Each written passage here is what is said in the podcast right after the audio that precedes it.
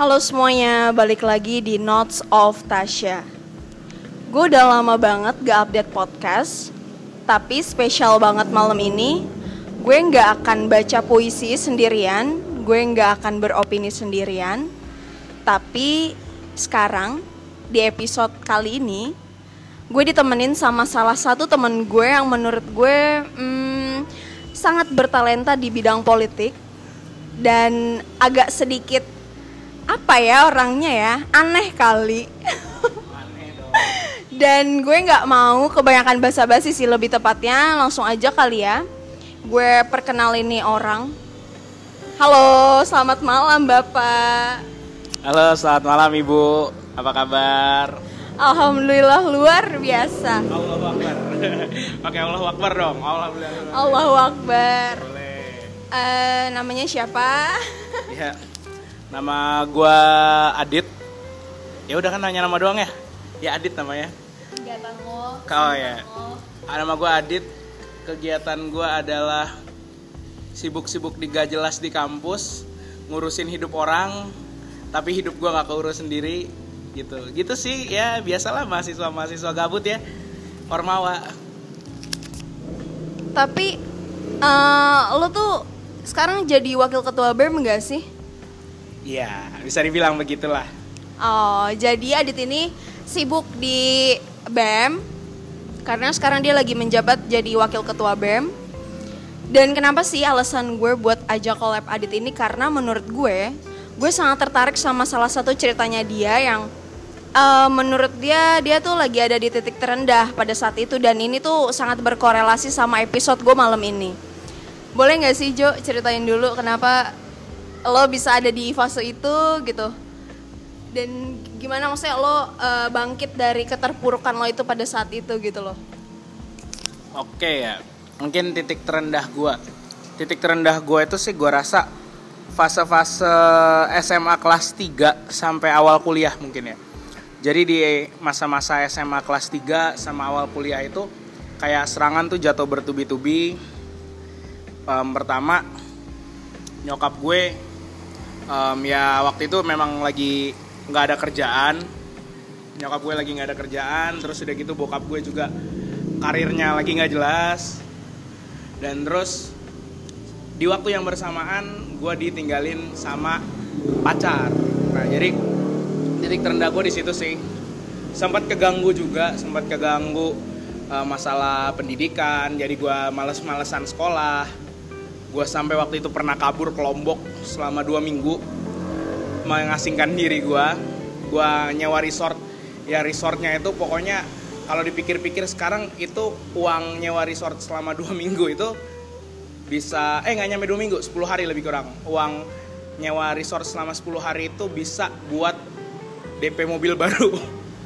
Kalau dipikir-pikir waktu itu. Jadi dengan kondisi keuangan keluarga seperti itu dan galau gue nggak jelas gue malah ngabis-ngabisin uang orang tua sih. Mungkin waktu itu ya namanya anak muda ya masih ke bawah suasana dan lain-lain ya. Kayak gitu sih. Itu mungkin titik terendah dalam hidup gue dan gimana ya pasti lo ngerasa kayak kenapa sih Tuhan ini nggak adil banget gitu buat lo ya gak sih? Ya dulu di situ juga fase-fase gue mempertanyakan Tuhan. Terus gue mempelajari beberapa agama di sana. Oke thank you ya mbak ya lagi mesen roti sorry sorry. Em, ada fase-fase di mana gue mempertanyakan Tuhan terus gue mempelajari beberapa agama terus gue bilang memikirkan bahwa oh ternyata agama gue nih warisan dari orang tua gue gue mungkin boleh mencari agama untuk diri gue sendiri. Dan pada akhirnya ya udah ya gue balik lagi sih ke agama gue kayak gitu sih. Tapi di saat itu maksudnya di saat eh, lo lagi facing up sama masalah lo gitu kan eh, siapa sih orang yang bener-bener menemani lo saat itu gitu.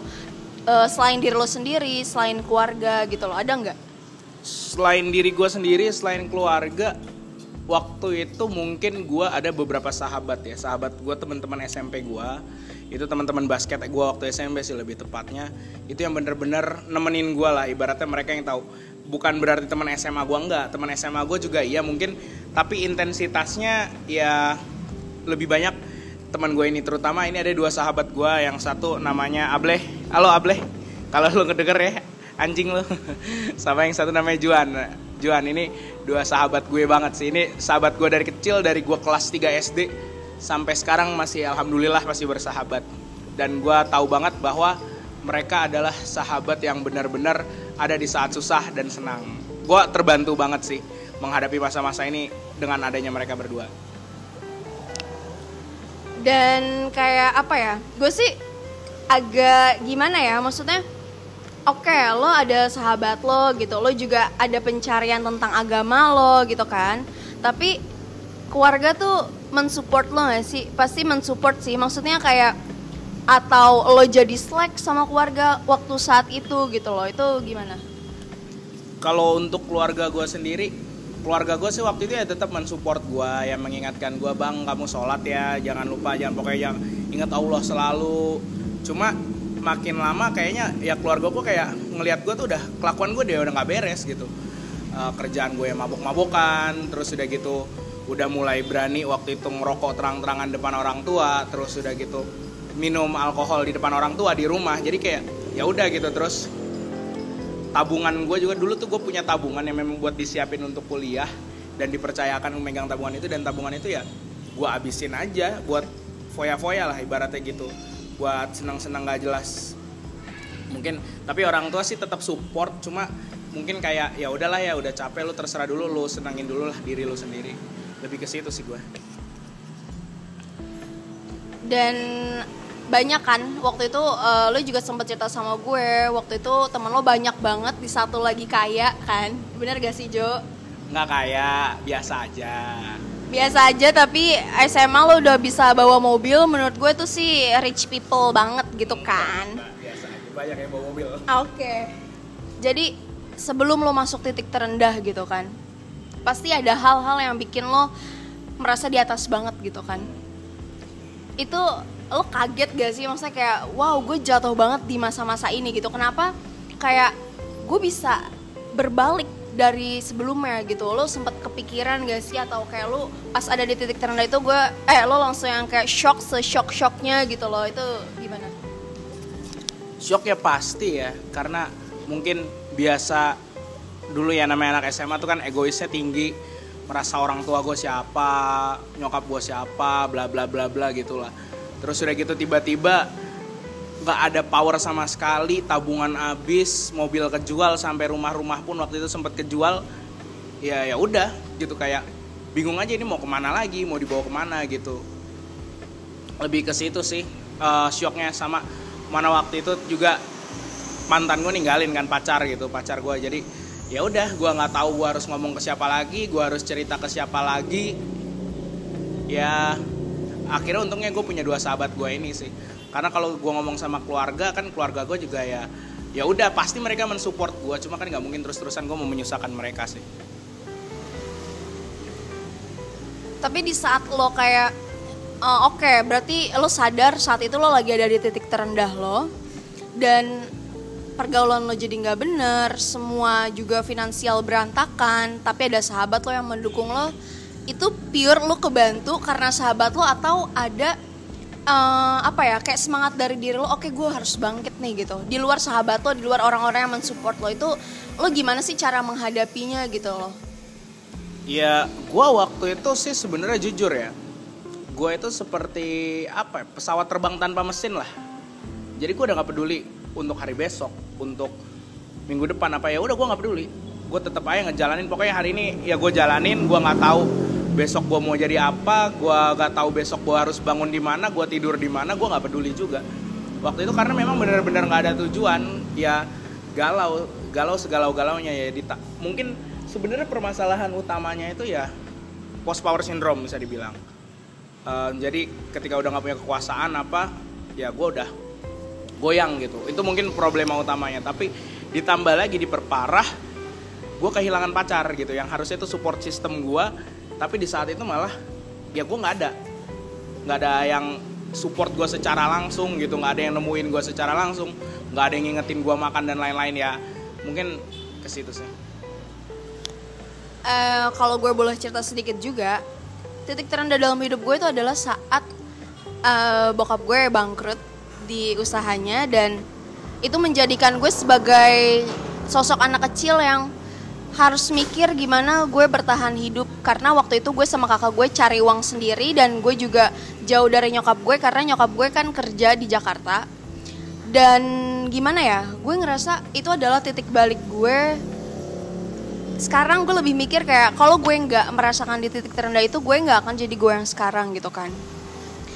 Dan gue baca juga nih di bukunya Making Hope Happen yang ditulis sama Shane kalau misalkan harapan itu tuh dapat disebar dan dapat diciptakan oleh diri lo sendiri tapi dit menurut lo pribadi lo percaya nggak sih akan harapan itu yang lo buat yang lo bisa sebarin ke banyak orang itu bakal terwujud?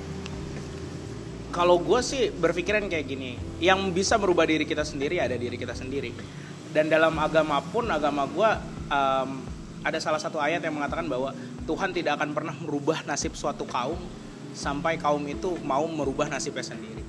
Jadi mau kita um, berusaha merubah orang lain untuk bla bla bla ya paling yang ujung-ujungnya berubah ya kita doang. Karena ya kita doang yang semangat. Percuma kalau orang lain nggak semangat. Percuma kalau orang lain nggak peduli sama perubahan mereka ke arah yang lebih baik. Ya udah gitu. Nggak ada efeknya juga buat mereka. Mungkin kita minum dulu kali ya biar gak stres-stres amat gitu kan. alkohol. Alkohol. nggak gue minum air putih Oh, aja. Iya. karena kalau minum kopi gue takut gak kuliah lagi tiga minggu. Keracunan. Keracunan peradaban. Dan lo sekarang tuh ada pacar gak sih Dit? pacar? Mungkin gue nggak kepikiran ya untuk pacaran ya. Karena bagi gue ya apa yang gue esensi pacaran tuh sebenarnya apa sih? Mau jalan mau makan bareng berdua ya sama teman juga bisa gitu kan mungkin kalau di luar itu kalau udah menyentuh hasrat seksual dan lain sebagainya ya itu udah bukan esensi pacaran lagi gitu sih. Bagi gue ya kalau di timur itu melanggar norma ya. Walaupun sebenarnya gue juga nggak peduli mau melanggar norma mau enggak bagi gue ya itu hak mereka itu hak seksual mereka kok. Cuma kalau gue sih nggak nyampe ke situ ya. Karena gue masih beranggapan bahwa dibuat apa pacaran untuk saat ini. Karena gue punya temen yang bisa gue ajak jalan terus-terusan ya. Terus udah gitu masih ada teman gue ngobrol juga teman gue bertukar pikiran brainstorming dan lain-lain gue masih ada. Jadi mungkin pacar belum kepikiran untuk saat ini dan gue nggak ada sih pacaran. Cuma kalau teman dekat perempuan nggak ada juga. Tapi lo masih normal kan Jo? Insya Allah normal. Soalnya agak serem ya kalau cowok tuh kayak jalan sama cowok tuh jadi konotasinya tuh negatif aja nggak, gitu. nggak nggak gitu nggak gitu. Maksudnya di sini dalam arti jalannya tuh bukannya jalan sama teman gue sesama jenis bukan. Gue ada teman cewek yang bisa maksudnya tuh gue ja, gua ajak jalan gitu bisa. Dan ya no hard feeling nggak ada perasaan apa apa kita cuma sebagai teman kan. Apa sih pacaran esensinya teman kan? Teman spesial kan?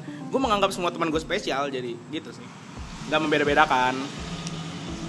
Oke oke, jadi kalau balik lagi ke titik terendah dan harapan, eh di sini juga di buku Making Hope Happen ini gue banyak banget belajar tentang harapan yang hmm, terutama adalah eh, harapan itu memang penting, harapan itu adalah pilihan, harapan itu bisa dipelajari dan harapan bisa dibagikan sama orang lain.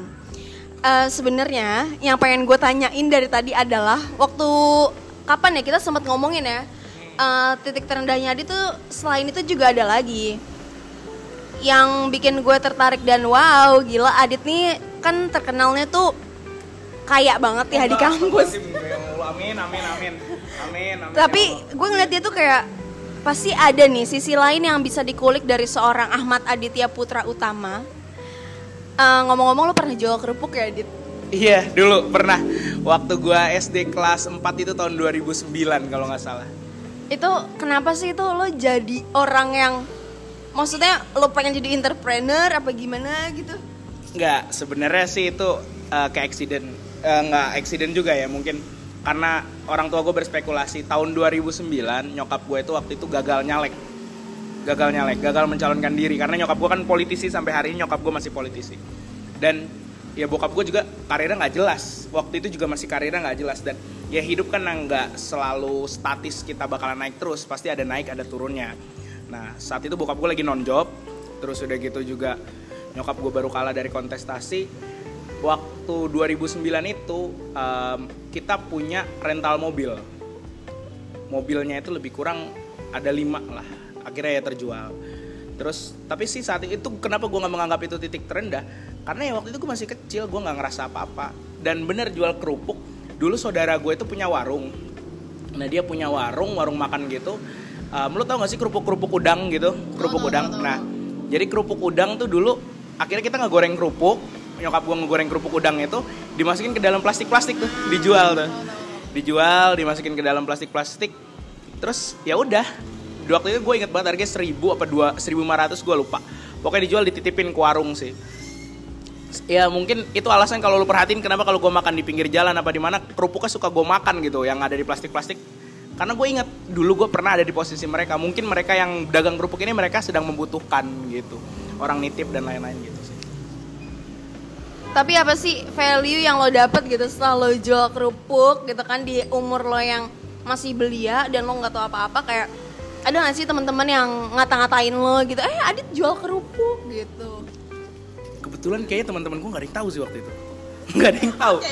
Nggak ada yang tahu. Karena karena waktu itu gue masih diantar naik ada tukang ojek gue yang masih nganter jadi ya makanya gue nggak menganggap itu titik terendah karena gue juga nggak ngerti mungkin apa saat itu orang tua gue menutup menutup coba yang gue inget dulu gue tuh hampir tiap hari selama dua bulan dua bulan ya nggak lama sih itu dibilang titik terendah ya dua bulan tiga bulan lah itu gue nganterin kerupuk ke warung itu terus ya setiap hari gitu. Pulang sekolah jam 12 dulu kan gue SD kelas 4 tuh pulang sekolah jam 12 gue nganterin kerupuk ke warung itu terus ya cuma sampai sekitar dua bulan tiga bulan lah makanya gue nggak menganggap itu titik terendah dalam hidup gue sih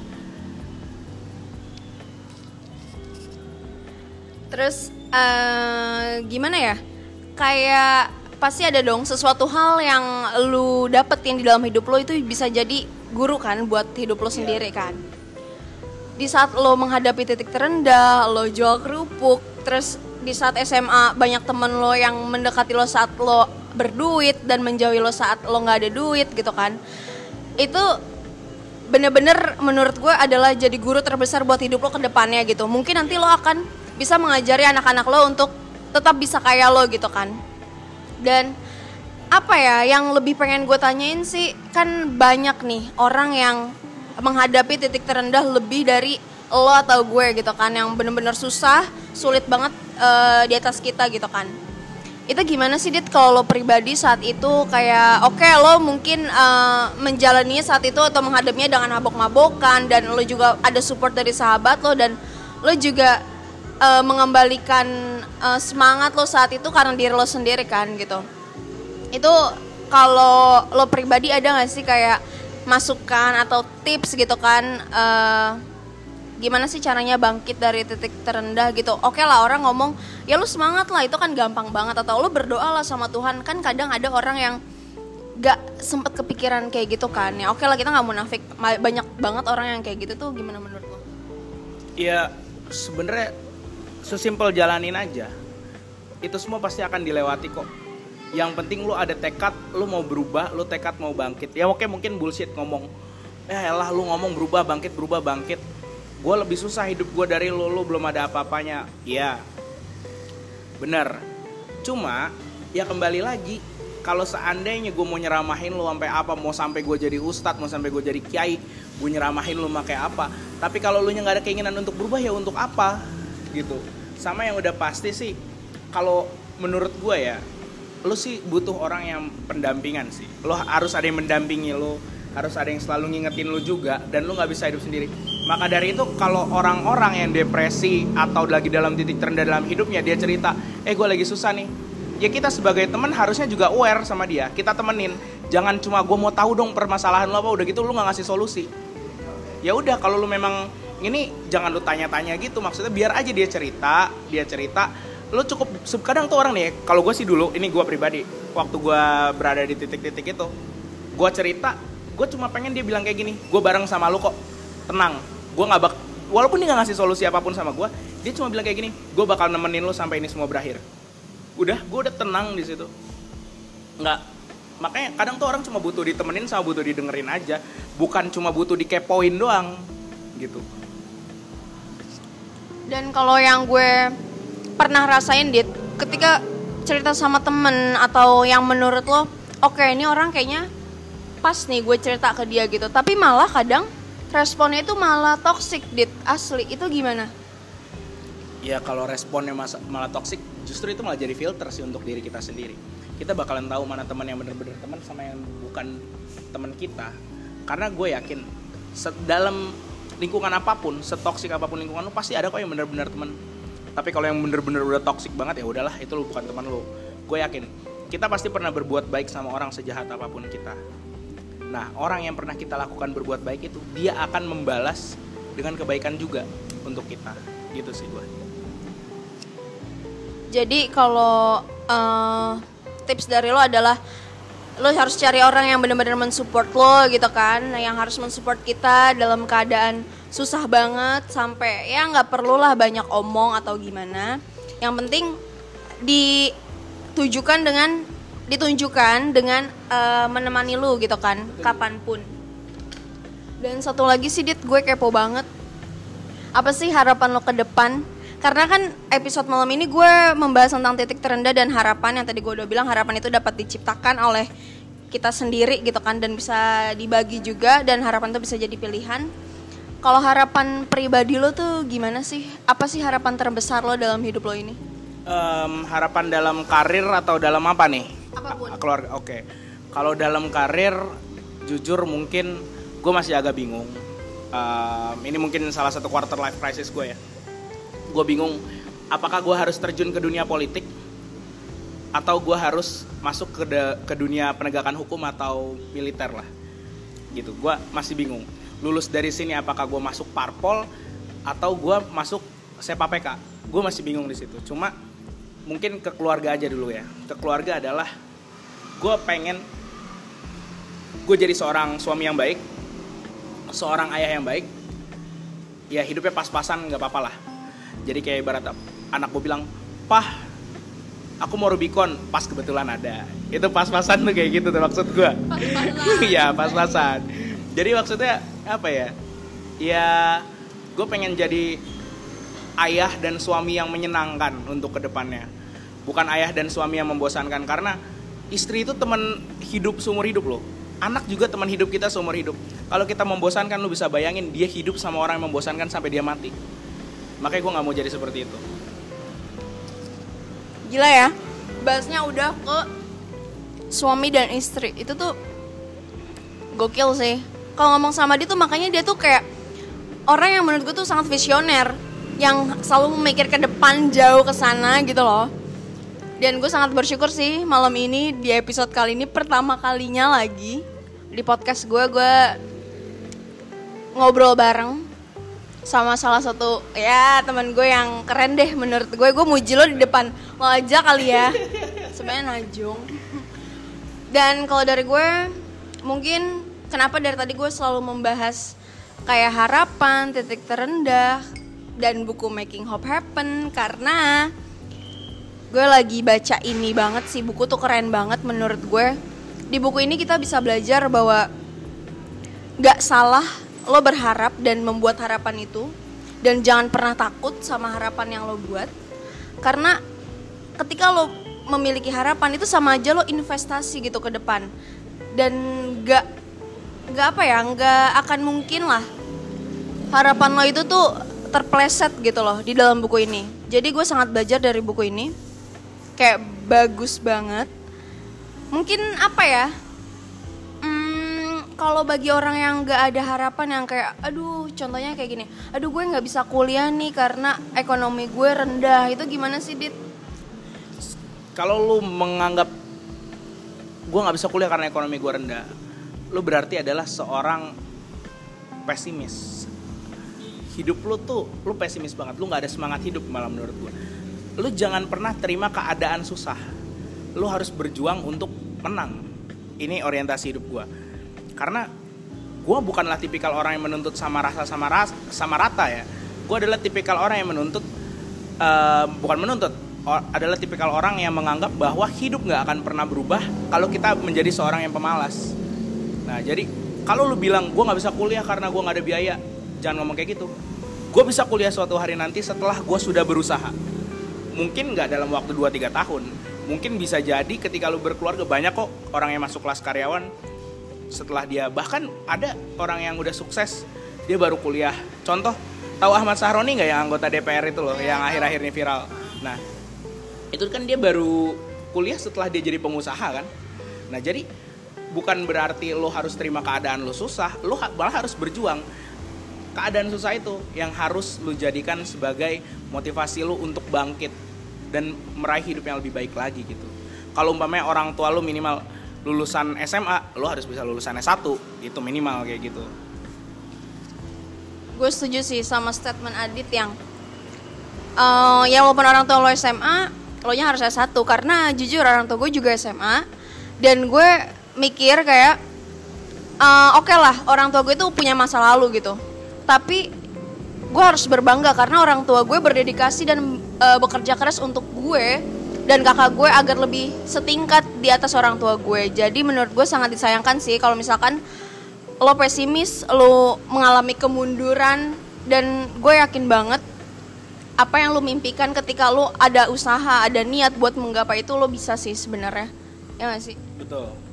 Um, mungkin gue akan sedikit ngutip omongan dari bokap gue dulu waktu gue kecil ngomong kayak gini pernah. Bang, tolak ukur kemajuan suatu keluarga adalah ketika sang anak bisa melampaui sang bapak. Stagnansi suatu keluarga adalah ketika sang anak sama dengan sang bapak dan kemunduran suatu keluarga akan berdampak juga kepada kemunduran suatu negara ketika sang anak lebih rendah daripada bapaknya. Gila sih, itu quotes keren banget. Dari bokap lo dit. Hmm. Dan lo ber, dan lo sangat bersyukur pasti punya bokap seperti Alhamdulillah, beliau. Alhamdulillah, gue bersyukur punya bapak seperti bokap gue walaupun kelihatannya dia nggak peduli sama hidup gue gue ngomong dia main handphone tapi dia ngedengerin semua omongan gue Bapak-bapak adalah tipikalnya kayak gitu yang seperti yeah. di Twitter lo. Gimana tweet bapak-bapak? Tweet bapak-bapak, aduh gue lupa. Gue gak buka Twitter sore ini sekarang. Hashtag tweet bapak-bapak itu ngakak sih, sumpah gue yang kayak Oke, okay, yang banyak komanya dan titiknya. Iya, banyak koma, titik, titik, titik, jempol, jempol, jempol. Biasanya bapak-bapak dan gue kayak, wow, amazed banget sih malam ini tuh bukan jadi malam yang sia-sia walaupun kita susah nyari tempat karena di sini rame dan sore kalau misalkan agak berisik-berisik gitu. Intinya di dalam episode kali ini, please lo siapa pun yang mendengar ini, tanamkan harapan lo sebesar mungkin, tanamkan harapan lo seluas mungkin yang lo mau, karena parameter kesuksesan itu menurut gue tuh beda-beda gitu. Mungkin ada orang yang sukses dia karena kuliah tepat waktu, ada juga yang enggak dan lo nggak perlu takut itu karena lu bisa membuat harapan-harapan dan menggapai itu semua ketika lu mau sih. Terus ada nggak closing statement dari lo nih tentang harapan dan titik terendah yang kita bahas? Closing statement dari gua, jangan pernah menuntut sama rasa, jangan pernah menuntut sama rata kalau lo nggak pernah mau berusaha. Itu closing statement dari gua. Oke Dedit, kalau gitu thank you banget buat waktunya. Dan kalau misalkan ada yang mau kepo sama lo bisa follow di mana Instagram kah, Twitter kah yang lo ngomongin politik mulu di Twitter? Enggak, kalau di Twitter jangan itu ranah pribadi gue, itu gue private. Uh, pokoknya jangan, pokoknya di Twitter dan gak bakal gue kasih tahu juga username-nya. Mungkin kalau mau kenal sama gue lebih lanjut bisa lihat juga Instagram gue kali ya utama Ditya kalau nggak mau kenal juga ya nggak apa-apa stalking stalking aja lu mau kepoin kehidupan gue udah biasa kok gue orangnya dikepoin sih Anjing sumpuk banget ya. Oke deh kalau kayak gitu gue ngucapin thank you banget. Dan gimana ya gue sebenarnya tuh baru pertama kali jadi kalau agak kikup-kikup dan aneh-aneh bahasanya ya tolong dimaafkan aja sih. Jadi uh, mungkin gue akhirin kali ya episode malam ini tentang titik terendah dan harapan. Kalau gue ngutip dari Adit, apa ya satu hal yang bikin gue sebenarnya miris dan wow gila sedih banget adalah ketika lo bilang gue nih kayak pesawat yang nggak ada mesinnya gitu kan. Ya lo artiin sendiri lah ya pendengar gue. Jadi mungkin itu aja sih di episode kali ini. Semoga ada value yang bisa kalian ambil dari episode kali ini.